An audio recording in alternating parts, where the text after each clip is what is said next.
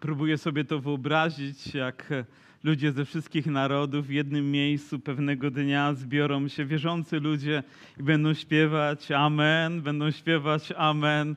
Myślę, że to, co wybrzmiało tutaj, jest zaledwie początkiem tego, co czeka nas, gdy będziemy śpiewać dla chwały naszego Pana kiedyś tam razem ze wszystkimi narodami. Jesteście podekscytowani tą myślą, oczekujemy tego, mam nadzieję, że serce bije nam mocniej, gdy na to patrzymy, a póki co przyjrzymy się Bożemu Słowu, które napisał brat pański. Wydaje się, że to taka niezwykła postać, brat naszego Pana Jezusa Chrystusa, ten ziemski brat, ten cielesny brat, pisze tak niezwykłe słowa i w zasadzie mam wrażenie, że to jest coś, co moglibyśmy nazwać listem otwartym, dlatego że nie jest skierowany do jednego zboru, gdzieś w jakiejś miejscowości, w jakiejś konkretnej sytuacji, ale do wierzących ludzi, którzy są rozproszeni w całym Imperium Rzymskim. Co prawda wiemy, że byli pochodzenia żydowskiego, e, wierzący ludzie, którzy byli w różnych miejscach, ale wygląda na to, że pomimo to, gdzie byli, to mieli wspólne problemy, wspólne troski, wspólne potrzeby. I w zasadzie Jakub nie zajmuje się też jakąś jedną wielką doktryną, która gdzieś została podważona, albo jakąś herezją, która się pojawiła, ale bardziej mam wrażenie, że mówi o postawie, którą my, ludzie wierzący, mamy taką łatwość zagubić. Mówi o tej właściwej postawie, którą powinniśmy mieć, a która gdzieś po drodze jakby dewaluuje, zmienia się. I już w pierwszym kościele taka potrzeba została dostrzeżona zaledwie kilkadziesiąt lat po tych wielkich wydarzeniach związanych z tym, gdy Pan Jezus chodził, gdy oddał swoje życie, gdy zmartwychwstał, a już Kościół przeżywał trudności. A więc wygląda na to, że w pierwszym kościele niekoniecznie było tak dobrze. I myślę sobie, że niekoniecznie dzisiaj musi być tak źle. Jeżeli my przyjmiemy Boże Słowo, jeżeli to Słowo stanie się bliskie nam i, i będzie zmieniać, będzie nas kształtować, wygląda na to, że i dzisiaj potrzebujemy tego Słowa tak samo jak Kościół wtedy i mam nadzieję, że z taką samą mocą zadziała w, na, zadziała w naszym życiu. Nie jest to jeden temat, ale jest to zbiór tematów, różnych tematów. Niektórzy nawet porównali to do takiego rabinowskiego nauczania, czyli rabin, gdy, gdy nauczał, to zajmował się jedną myślą, później kolejną i kolejną, kolejną. To nie było wstęp, rozwinięcie i zakończenie, tylko myśl za myślą, która była prezentowana. I tak dzisiaj też zgodnie z tym słowem i my będziemy prezentować rzeczy, które miały miały miejsce w pierwszym kościele, z którymi Jakub się rozprawia i daj Panie Boże, byśmy my z łaski Twojej mogli się z tym rozprawić. A więc drugi rozdział listu Jakuba zaczyna się od pewnego ostrzeżenia, jakie kieruję. Bracia moi, nie czyńcie różnicy między osobami przy znawaniu wiary w Jezusa Chrystusa, naszego Pana chwały. To piękne określenie odnośnie Pana Jezusa. Pan chwały. Myślę, że to inspiracja do napisania pieśni Pan chwały, czyli innymi słowy, nasz Pan, Jezus Chrystus, godzien jest chwały. Ale nie tylko w pieśniach, nie tylko w słowach, ale Jakub przekierowuje nas do tego, abyśmy w postawie, w reprezentowaniu Go w czynach, w świadectwie naszego życia mogli to wyrazić. A więc Bóg ma być wielbiony wszelkimi sposobami.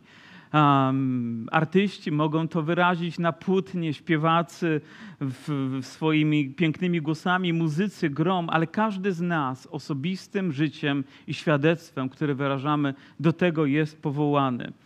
I już w kościele, nawet gdy się zgromadzamy, bo gdy na wasze zgromadzenie przy, przyszedłby człowiek ze złotymi pierścieniami na, na palcach i we wspaniałej szacie, i przyszedłby też ubogi w nędznej szacie, i na chwileczkę tutaj się zatrzymamy, a więc widać, że potrzebą pierwszego kościoła było spotykać się i wyznawać imię Pana Jezusa, wyznawać wiarę w Niego, bo On jest Panem chwały.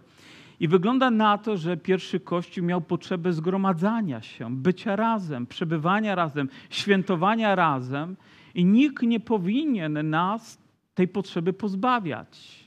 Nie chcę brnąć za daleko, ale to jest przywilejem i potrzebą Kościoła spotykać się. Więc gdyby zrodziła się jakaś myśl, która mówi, a ja tego nie potrzebuję, dam sobie radę, mam internet, mam książki, o gdzieś tam z kimś się spotkam na kawie, porozmawiam o Chrystusie. Wszystkie te rzeczy są dodatkiem ale nie są fundamentem. Mnie tak wychowywano i ja też czerpę to z Bożego Słowa, że potrzebą mojego życia jest być w zgromadzeniu. Jest wspólnie razem z wami, moje siostry, moi bracia, wyznawać imię Pana Jezusa, słyszeć wasze modlitwy, słyszeć wasz śpiew, wasze uwielbienie i, i też widzieć nawet was, widzieć łaskę Bożą, która została wam okazana. To jest tak ważne i na te zgromadzenia powinien przyjść każdy. Widzimy, że może przyjść ktoś, zamożny, ktoś bogaty, ktoś, kto ma złote pierścienie i ktoś, kto przychodzi w ubogich szatach, ponieważ zgromadzenie jest dla wszystkich ludzi. Ale z tego powodu mogą, mogą wyrosnąć pewne problemy i o nich tutaj właśnie na nie zwraca Jakub uwagę, a wy zwrócilibyście oczy na tego, który nosi wspaniałą szatę i powiedzielibyście, ty usiądź tu wygodnie, a obogiemu powiedzielibyście, ty stań sobie tam lub usiądź u podnóżka mego. A więc e, każde zgromadzenie może się charakteryzować tym, że są miejsca dla ludzi ważniejszych i dla ludzi mniej ważnych, jeżeli czynimy różnicę między pewnymi ludźmi. Ja zauważam, że w naszym zborze my problemu nie mamy z pierwszymi miejscami, bo one najczęściej są wolne. Więc jeżeli ktoś z Was dzisiaj chciałby się szczególnie poczuć, to zapraszamy. Pierwszy rząd wciąż jest wolny dla każdego z nas, a więc jesteśmy biblijnym zborem. Aleluja. Każdy woli gdzieś z tyłu, gdzieś skromnie, ale oczywiście nie o tym mówi Paweł, że ludzie są wyróżniani i są ci, którzy są pomijani ze względu na status swój, na majątek swój, na, na to, że jedni mają środki, inni ich nie posiadają. I również Kościół może takiej selekcji, przepraszam za to słowo, dokonywać w niewłaściwy sposób, odnosząc się do ludzi, raniąc przy tym ludzi, albo też odwracając uwagę od tego, gdzie jest potrzeba i zwracając tam, gdzie może nawet nasze oczy nie powinny być zwrócone. Ta tendencja była, jest i chyba będzie, ale mam nadzieję, że z łaski Bożej my będziemy potrafili z tym się uporać. Słyszałem kiedyś pewną historię o to, że do jednego, do jednego ze zborów przychodził człowiek, który był wielkim, wspaniałym artystą, nazywał się Cliff Richard. Ja nie wiem, czy on jeszcze żyje, może żyje człowiek, więc Cliff Richard, artysta, przychodził do zboru, gdzie była zwiastowana Ewangelia. I on tam oczywiście, no, jak to człowiek rozpoznawalny, jak to człowiek z show biznesu, za nim też przychodzili inni ludzie. Ale gdy rozmawiał z pastorem, on mu powiedział: Wiesz co, Cliff, fajnie, że jesteś, ale musisz wiedzieć o jednej rzeczy. Tu jesteś tylko albo aż bratem. Tu nie jesteś gwiazdą. Tu nie jesteś showmanem. Tu jesteś bratem. Tu jesteś jednym z nas. Jeżeli pewnego dnia będziesz chciał zaśpiewać pieśń, to jak jeden z nas, tak, e, nie, nie wyróżniając się. I myślę, że to jest właściwa postawa i on tego potrzebował, bardzo to cenił i był w tym zborze, został tam ochrzczony, ponieważ to była normalność, której on również pragnął. Nie został tutaj wyróżniony, że to jest najważniejsze. Może kogoś powitamy na nabożeństwie, a kogoś nie powitamy na nabożeństwie, ze względu na to, że jest bardziej znany, że gdzieś tam ktoś o nim usłyszał, jego nazwisko jest rozpoznawalne. Myślę, że to jest pewna trudność, z którą przychodzi nam się mierzyć. Ale gdy ja czytam słowa Jakuba, to uzmysławiam sobie, że dla Boga po prostu każda osoba jest ważna. Bez względu na to przychodzi w ładniejszych ciuchach, czy w mniej ładnych ciuchach, czy ubiera się u Armaniego, czy ubiera się w lumpeksie, to nie ma dla Boga znaczenia. Dla Boga ma znaczenie to, że tutaj jesteś w zgromadzeniu ludzi, którzy uwielbiają Boga, i myślę, że w takim miejscu ziemia dla wszystkich, miejsce dla wszystkich powinno być równe, bez wyróżniania kogoś właśnie z takiego powodu, a więc powinniśmy dać tą wolność naszym sercom, by uwielbiały Boga, nie wyróżniając żadnej osoby, ale musimy przyznać nam wszystkim, że takie rzeczy nie przychodzą nam z taką wielką łatwością, by to, by to wyrażać. Myślę też, że to jest ważne, żebyśmy w tym wszystkim wiedzieli, że to nie jest też tak, że można tu nadużyć. Kiedyś spotkałem się z taką grupą ludzi, którzy mm, mieli śniadanie, zaprosili mnie na nie i, i, i rozmawiali też tam o sytuacji w zborze, ponieważ do ich zboru zaczęli przychodzić ludzie ubodzy. Fajnie, że przychodzili. Bezdomni ludzie zaczęli przychodzić. Fajnie, że przychodzili ci ludzie, ponieważ wiedzieli, że tam w zgromadzeniu ludzi wierzących no, jest taka atmosfera przychylności, akceptacji, tolerancji czy, czy, czy też otwartości na ich potrzeby. Ale zapomnieli o tym, że oni przychodząc tam, no, mieli takie ubrania, które nosili przez kilka tygodni, może nawet dłuższy czas, i w związku z tym nie brali prysznica przez dłuższy czas. I kiedy wchodzili, to była pewna trudność dla zboru, tak? ponieważ oni mm, no, nie pachnieli ładnie, usiadali koło kogoś, kto właśnie rano wziął świeży prysznic, a teraz musi usiąść koło tej osoby. Nie wiemy, czy też nie ma insektów, nie wiemy, czy nie ma świeżba, czy nie jest chora a obok siedzi matka z małym dzieckiem. No ale przecież jesteśmy, jesteśmy równi, jesteśmy w zgromadzeniu, więc jak mamy to traktować? A więc mieli pewien problem, jak, jak to rozwiązać, żeby nie przekroczyć jakiejś granicy, a z drugiej strony otworzyć się na takich ludzi. Czy nie myślicie, że to jest problem? Że powinniśmy również i na takie rzeczy zwrócić uwagę, jak my, jak ja jako pastor mam się zachować. Czy mam teraz przytulić tego brata, czy mam chronić tą mamę z tym małym dzieckiem, żeby czuła się swobodnie, żebyśmy wszyscy mogli być mimo wszystko razem. Oto jest pytanie, na które potrzebujemy znaleźć odpowiedź. Widzę wasze zaintrygowanie trochę. Co ten pastor teraz tutaj powie? Jak on wybrnie z tego załuka? Jak wyjdzie z tej sytuacji? I wiecie, ja się w takich rzeczach czuję wolno. Ja bym podszedł do tego człowieka. Jasne, że chcemy, żebyś przyszedł. Ale tam jest miejsce, gdzie możesz się przebrać. Tam jest miejsce, gdzie możesz wziąć kąpiel. Zrób to i przyjdź. Powiem, nie wiem, trzeba nawet obetnij włosy, przejść, przejść przez jakiś proces dezynfekcji czy czegokolwiek. Przyjdź, jasne, że czekamy na ciebie, pomożemy ci nawet w tym, ale tutaj ta jedna osoba nie może powodować, że wszyscy z tego powodu będziemy mieli sytuację trudną, że nikt nie będzie mógł się skupić na uwielbieniu, na chwaleniu Boga. Więc z jednej strony jesteśmy bardzo otwarci, a z drugiej strony jesteśmy mądrzy też w tym, żeby nic nie przeszkadzało, ani złoto, ani też szata, która może być taka, która będzie trudnością dla nas. Ja wiem, że idę w jakąś skrajność, może trochę dalej nawet niż, niż Jakub, ale Jakub jakby chciał powiedzieć, że wszyscy powinniśmy z pewną swobodą i wolnością stawać przed Bogiem i każdy powinien mieć tutaj przestrzeń i możliwość, aby uwielbić Boga, aby oddać Mu chwałę. A więc tutaj na to miejsce przychodzimy nie z tytułami, nie z zasługami naszymi, ale przychodzimy jako Boży lud, jako Kościół, by uwielbiać naszego Pana. Amen? Każdy ma do tego prawo, każdy ma przywilej, ale w tym wszystkim musimy być też ludźmi bardzo, bardzo, bardzo mądrymi, zachowując pewną ostrożność i też mądrość w tym, by imię Pana Jezusa bez przeszkód mogło być zwiastowane. Posłuchajcie, bracia moi, czy to nie Bóg wybrał ubogich w oczach świata, aby byli bogatymi w wierze i dziedzicami królestwa obiecanego tym, którzy go miłują? To piękne słowa, to prawda, że tym, co jest skarbem naszego życia, to fakt, że spotkaliśmy Pana, że spotkaliśmy naszego Zbawiciela i całe nasze życie warte jest tego, żeby poświęcić, by ten skarb skarb uzyskać, by być razem z Nim. Nic nie może się z tym równać. A więc w tym znaczeniu my wszyscy jesteśmy bogatymi ludźmi, bo jesteśmy bogatymi w wierze w naszego Pana.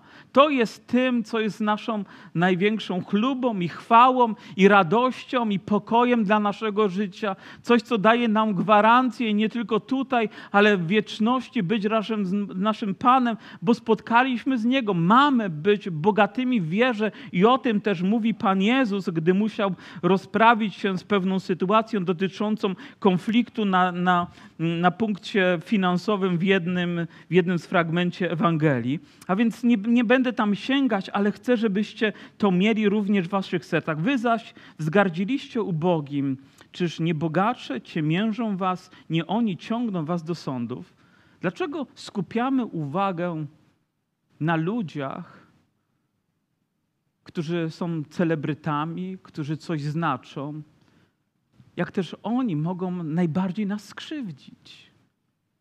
Jakby tutaj nasze oczy są wpatrzone i ten świat tak funkcjonuje, że ci, którzy są na świeczniku, są najważniejsi, a poprzez to gubimy to, co jest istotą chrześcijaństwa, spoglądając na potrzeby, na troski dnia codziennego ludzi, którzy gdzieś tam są zagubieni. Że takie osoby przyciągają ludzi, a od tamtych jesteśmy odpychani. Nie, tak nie powinno funkcjonować Królestwo Boże. Zobaczcie, Jakub to dostrzega w pierwszym kościele, że zaczęły być jakieś kasty robione. Bogaci, biedni, ważniejsi, mniej ważni.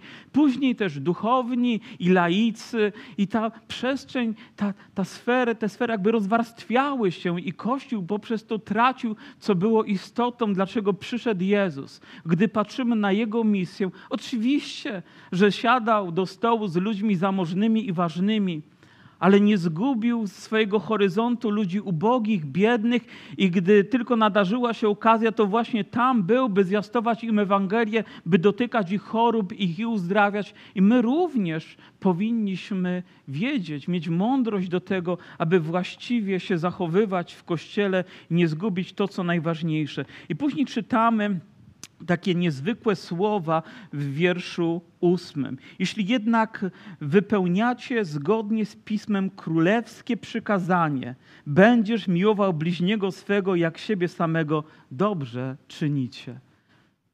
Nigdy nie zwróciłem uwagi na ten wiersz tak, jak zrobiłem to teraz, że jest tutaj określenie, że jest królewskie przykazanie, które jest dobre dla Kościoła. Królewskie przykazanie. A więc wiemy, kto jest naszym królem. Wiemy, skąd zaczerpnął Jakub te słowa, nie tylko ze Starego Testamentu, ale zacytowane też przez Pana Jezusa, stają się dla nas przykazaniem wypowiedzianym z samego nieba: Będziesz miłował bliźniego swego jak siebie samego. A więc to też ważne, żebyśmy samych siebie akceptowali, cenili. Ja nie mówię, że ubóstwiali, byli wpatrzeni w siebie, ale myślę, że to właściwa perspektywa, żebyśmy cenili też to, kim jesteśmy, że mamy wiarę w Chrystusa, że dla Niego jesteśmy ważni, bo jeżeli to zgubimy, to możemy też zacząć źle oceniać innych ludzi. Możemy być bardzo krytyczni dla innych, możemy źle nie wiem, wymawiać się o naszych braciach, może dlatego, że sami mamy problem z sobą. A więc musimy tutaj być mądrzy w tym, żeby w pełni respektować to przykazanie. Bóg wybrał nas po to, żebyśmy, żebyśmy kochali innych, wiedząc, że jesteśmy umiłowani również przez Boga. Bliźniego jak siebie samego, to znaczy, że moja siostra i mój brat zasługuje na to samo, co ja zasługuję tak samo jest ważna, tak samo jest cenna. Bez względu na to, w którym szeregu siedzimy, czy w którym rzędzie siedzimy, bez względu na to, jakie funkcje pełnimy, może bez względu na nawet jaki staż mamy wiary. Lecz jeśli czynicie różnicę między osobami, popełniacie grzech. Jesteście uznani przez zakon za przestępców.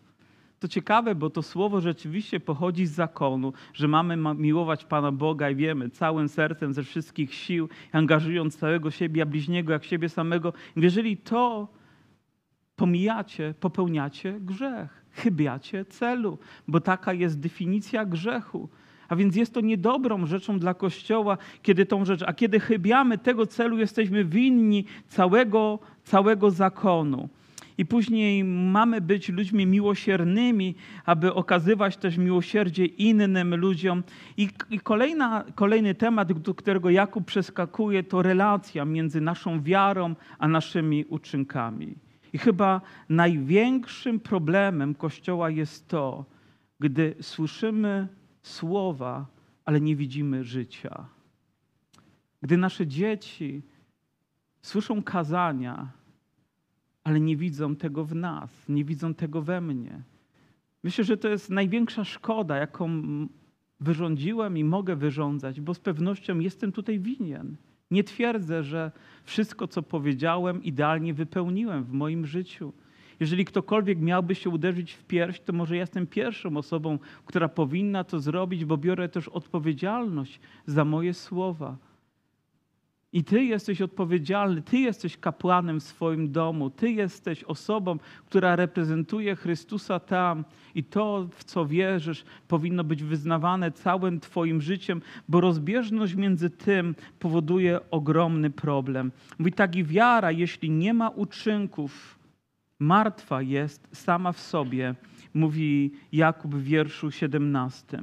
A więc innymi słowy, wiara bez uczynków nie ma znaczenia. A też wiemy, że zbawieni jesteśmy z wiary. Więc jak pogodzić to, że mamy uczynki i mamy wiarę? I ktoś mówi, to ja mam uczynki, a ty masz wiarę. I nawet dalej mówi tutaj Jakub w wierszu 19: Ty wierzysz, że Bóg jest jeden, dobrze czynisz, ale dalsze słowa sprawiają, że ziemia drży pod nami, bo mówi, demony również wierzą i drżą.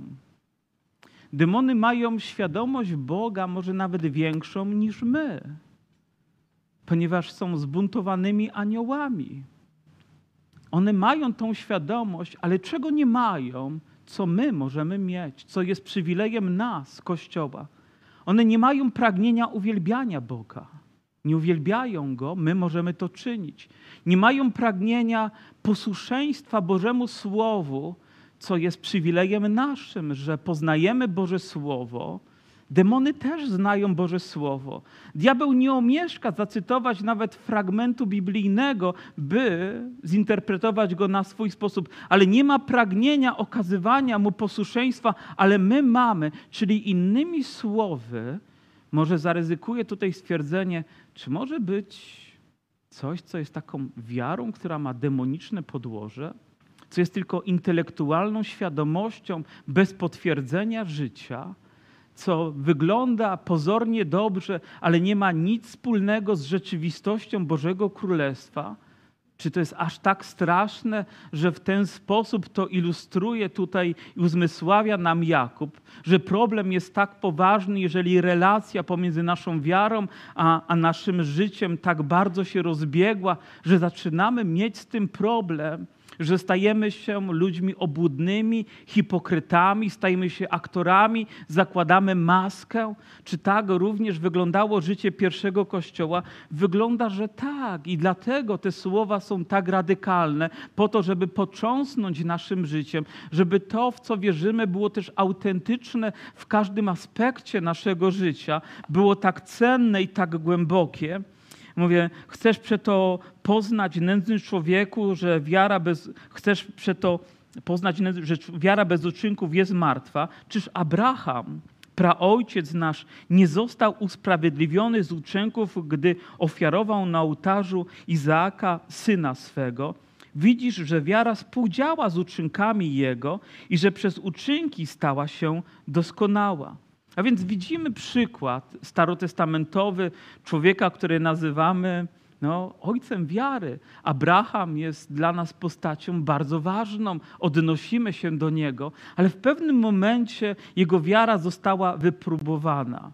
On miał świadomość Boga i dostał też obietnicę, że będzie ojcem wielu narodów, gdy jeszcze nie miał potomstwa. I gdy narodził się jego pierworodny, znaczy pierworodny w znaczeniu, że Sary, tak, syn Izak, to był podekscytowany. Pewnością było, było to jego serce, było oczko w głowie, był zakochany w swoim synu do szaleństwa. I każdy z nas, gdy weźmie małe dziecko po raz pierwszy, to już po prostu jego serce jest zdobyte. Nie wiem, jak to było w przypadku waszym, no bo nasze żony nosiły dziecko przez tyle miesięcy, więc miały możliwość zachowywania się może głębiej niż my, ale ja pamiętam ten moment, gdy po raz pierwszy wziąłem dziecko, poczułem odpowiedzialność. Serce to mało mi nie wyskoczyło, ponieważ uzmysłowiłem sobie, jaki dar, jaka łaska mnie spotkała. I zakochiwałem się każdego dnia coraz głębiej i głębiej w mojej córce. I nie wyobrażam sobie momentu, gdyby przyszedł głos z nieba, a teraz oddaj mi swoje dziecko, złóż je w ofierze. Dlaczego w ten sposób Bóg zwrócił się do Abrahama?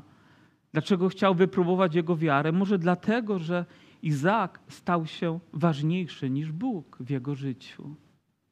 I człowiek ma problem, gdy ktoś, coś staje się ważniejsze. Może pierścień na Twoim palcu, konto na Twoim koncie, czy stan konta na, na Twoim rachunku, a może jakaś inna osoba staje się ważniejsza od Boga. I w ten sposób diabeł wyławia ludzi z kościoła, niszczy ich życie, wyciąga ich poza tą przestrzeń, którą możemy stanowić w Bożym Królestwie, znając nasze słabości. I czasami nasza wiara tutaj jest wypróbowywana poddawana takiemu mocnemu naciskowi po to, aby okazało się, jak jest mocna.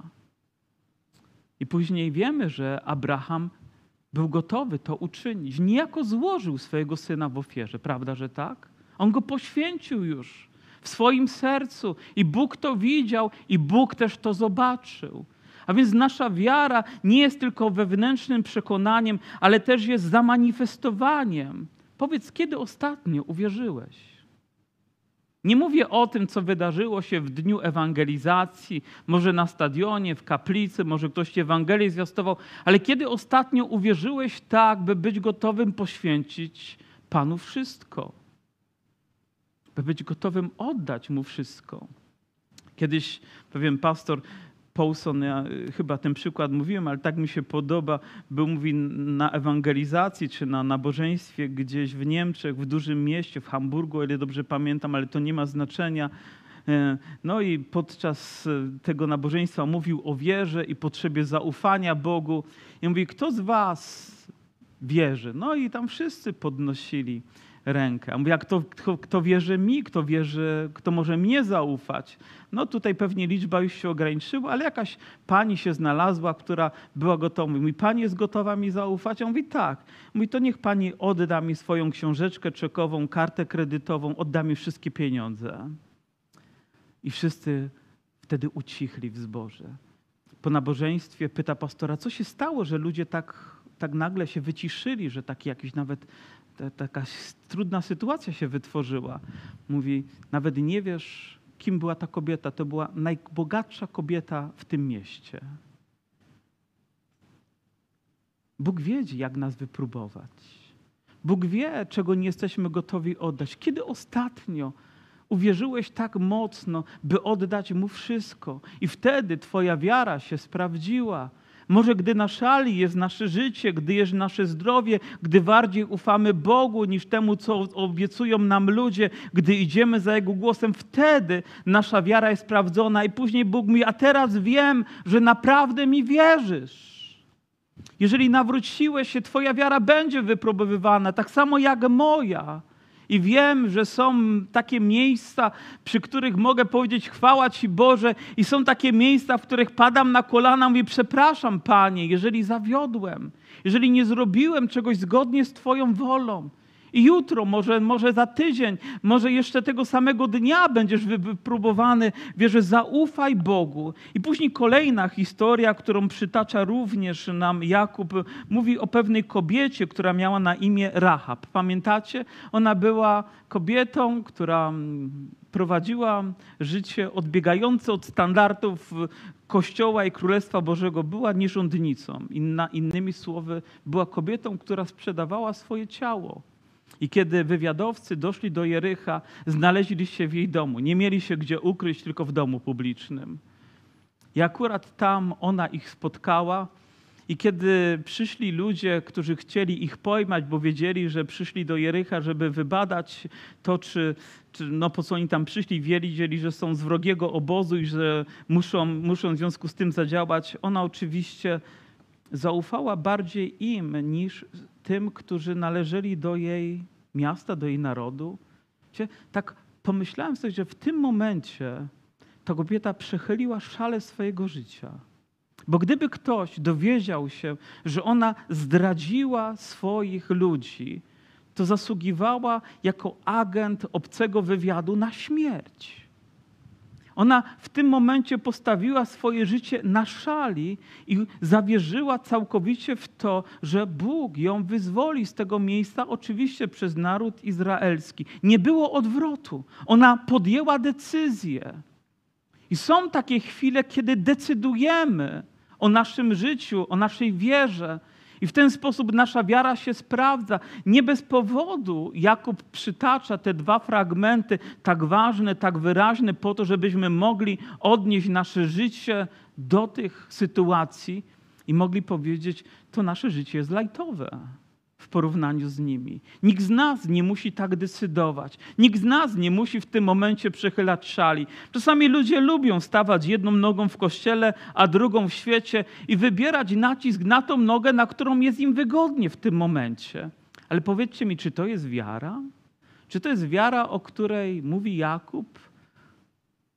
Do której zachęca nas Boże Słowo, która wynika z wiary w Pana Jezusa Chrystusa, czyż całe nasze życie nie powinno całym ciężarem naszego życia być umieszczone w Bożym Królestwie, na fundamencie Bożego Słowa, na fundamencie nauki apostolskiej, naszego poświęcenia i oddania Bogu. I wtedy możemy wiedzieć, że naprawdę uwierzyliśmy, naprawdę oddaliśmy nasze życie Chrystusowi. A więc o taką wiarę Bogu chodzi również, gdy myśli o naszym kościele, gdy myśli o moim życiu, gdy myśli o Twojej rodzinie, gdy myśli o decyzjach, które musisz podjąć. I one nie będą łatwe, niektóre będą bardzo bolesne, rozciągną bardzo emocjonalnie Twoje życie, ale wtedy się sprawdzi jak głęboko jesteśmy wierzącymi ludźmi. Niektórzy ludzie myślą, że w związku z tym, że żyjemy w cywilizowanym takim świecie, że nasza wiara już nie musi być tak wypróbowywana. O, tam wtedy rzeczywiście w pierwszym wieku, gdy przyszły prześladowania gdzieś na arenach dawno temu, za siedmioma górami, rzekami, takie rzeczy się działy, ale dzisiaj nie. One wciąż się dzieją. Nasza wiara wciąż jest wypróbowywana i ona będzie, może pewnego dnia Ktoś spyta nas, czy wierzysz w Jezusa Chrystusa i jesteś gotowy za swoją wiarę poświęcić wolność, poświęcić życie, poświęcić prawdę? To znaczy mówić prawdę, by poświęcić samego siebie. Ale za każdym razem, gdy stajesz po stronie prawdy, a może nawet gdy odwracasz oczy od tego, co jest miłe Tobie, a zwracasz uwagę na to, co jest miłe Bogu, okazujesz wiarę że to może być codzienne życie, w którym nasza wiara się sprawdza zgodnie z tym, czego oczekuje dla nas Bóg. Dlatego myślę, że dla nas jest to tak ważne. Bo jak mówi, bo jak ciało bez ducha jest martwe, tak też wiara bez uczynków jest martwa. Więc proszę, nie zgadajcie się z tymi wszystkimi ludźmi, którzy mówią, że uczynki nie mają znaczenia mają znaczenie. Oczywiście, że fundamentem naszego zbawienia jest wiara w Chrystusa, ale nasze życie, to co budujemy, jest codziennym świadectwem tego, że my wciąż wierzymy. Wciąż wierzymy. Dzisiaj potrzebowałem okazać moją wiarę w Pana Jezusa, gdy byłem gdzieś wypróbowywany. Wydawało się, że to taka prosta sprawa, taki sprawdzian emocjonalny dla mojego życia. Jadę sobie samochodem, powiem i gdzieś tam w myślach pewnie uwielbiam Boga, jak to zwykle. I dojeżdżam do świateł. Przed światłami jest zatoczka dla autobusów. Tam stoi też e, autobus, który chce włączyć się w ruch, daje kierunkowskaz i moim obowiązkiem jest go wpuścić. Więc zatrzymuję się grzecznie. Wpuszczam autobus, ale za mną stoi jakiś pan, choć w tym momencie sobie tak nie pomyślałem, i trąbi na mnie. Dlaczego ja wpuszczam autobus? Wiecie, to jedno trąbnięcie, wyobrażacie sobie, jakie emocje potrafi w nas mężczyznach uruchomić? Jakie myśli potrafi wydobyć z naszego wnętrza odnośnie i, e, i, i zaangażowanie? I powiem Wam, przez następne kilkaset metrów walczyłem walczyłem. I wydaje się, to nie był bój na śmierć i życie, ale to był bój o to, by nie rozpędzić się w tych emocjach, by one nie przerodziły się w jakieś agresywne myślenie. Jakbym w tym momencie, nie wiem, miał impulsywnie zadziałać i miał basebola z tyłu. Panie, wybacz. Nie może tak być. W takich sytuacjach sprawdza się moja wiara w codziennym życiu, nawet na głupich światłach. Sprawdza się postawa mojego życia. Przychodząc do zboru, patrząc na ludzi, sprawdza się moja wiara. Wchodząc do kaplicy, uwielbiając Boga, sprawdza się moja wiara. Idąc drogą, patrząc na kobiety, patrząc na innych ludzi, może patrząc, jakimi samochodami jeżdżę, jakimi ja nie jeżdżę, sprawdza się moja wiara. Codziennie Bóg mnie sprawdza na dziesiątki sposobów i oby to nie była demoniczna wiara. Aby to nie była wiara tylko mojej świadomości, ale wiara mojego życia. Ja chcę Go wielbić i czynić to z całą świadomością, nawet gdy czasami moje serce się burzy. Chcę Go wielbić moim życiem, nawet gdy to jest dla mnie niewygodne, bo mój Pan, mój Król jest tego godzien. Jego królewskie przykazanie jest wciąż dla Jego chwalebnego ludu. Będziesz miłował bliźniego swego jak siebie samego, a Pana Boga ponad to wszystko. Ponad to wszystko. Okaż Mu dzisiaj wiarę. Okaż Mu wiarę, nawet sięgając po Biblię, by poświęcić swój czas. Okaż Mu wiarę, angażując swoje serce w uwielbieniu dla Niego, bo demony nie będą tego czynić, a Ty możesz to uczynić, będąc świadomy, jak wielkiego masz Boga. Okaż Mu wiarę, gdy będziesz wracać do domu, a ktoś się zdenerwuje, bo Twój Pan jest tego godzien. Nasz Bóg jest tego godzien. Powstańmy i oddajmy Mu chwałę. Panie, tak chcemy Ci podziękować za to, że Ty wiesz, jakie słowo posłać do nas, w jakim czasie, w jakiej sytuacji naszego życia. I Panie, dziękuję Ci za to, że mogę dzisiaj na tym miejscu z moimi siostrami i braćmi uwielbiać Cię. Panie, że mogę to czynić zaangażowaniem całego mojego serca. Ale Panie, Ty za chwilę wypróbujesz to w moim codziennym życiu. Czy jest to prawdziwe? Panie, gdy będę rozmawiać z moją córką albo z moją żoną, Panie, gdy będę myśleć o moich sąsiadach, którzy za głośno puścili muzykę, Panie, albo jakiejś innej sytuacji, Panie, wypróbujesz. Panie, naciśniesz tam, gdzie zaboli. Ale Panie, chcę to znieść i oddać Ci chwałę. Panie, chcę okazać Tobie wierność w moim codziennym życiu. Panie, tak bardzo chcę, żeby Twój Kościół, również i nasz zbór był tak autentyczny. Panie, byśmy mieli świadomość, jak cenną jest rzeczą razem stawać przed Tobą. I Panie, dziękuję Tobie dzisiaj za każdego z nas. Panie, nawet jeżeli ktoś dzisiaj przyjechał na to nabożeństwo, wydając ostatnie pieniądze, to Panie, wiem, jak to było dla Ciebie cenne. Panie, wiem, jak to było drogie w Twoich oczach. Panie, dziękuję Tobie też za moich braci, za moje siostry, którzy tak zaangażowani są, by, by hojnie łożyć na Twoje dzieło, Panie, by uczcić Twoje imię. Ale Panie, wszystko to czynimy, Panie, równi przed Tobą, ze względu na Twoje imię, by przynieść Tobie chwałę okazać naszą wiarę w posłuszeństwie, Panie, we wszystkim, do czego Ty nas powołujesz. A Ty nas, Duchu Święty, błogosław tym i umacniaj. Panie, dzisiaj też modlimy się o siostrę Bogusię, która ma problemy zdrowotne. Dotknij ją teraz, Panie, i uzdrawiaj ją. Panie, dotknij też nas tutaj mocą swoją i uzdrawiaj nas, Panie. Bo dziękujemy Ci za to, że Twoje słowo ma moc. A Ty jesteś Bogiem, który nie tylko mówi, ale czyni to w naszym życiu, Panie. Dziękujemy Ci za to, że wypełniasz swoje słowo w tak niezwykły sposób. Godzien jesteś nasz Panie. Godzien jesteś nasz Panie. Jesteś godzien wszelkiej chwały. Jesteś królem chwały. Jesteś zbawicielem chwały. Jesteś moim Panem wielkiej chwały. Amen. Amen. Amen. Niech nas Pan błogosławi. Amen.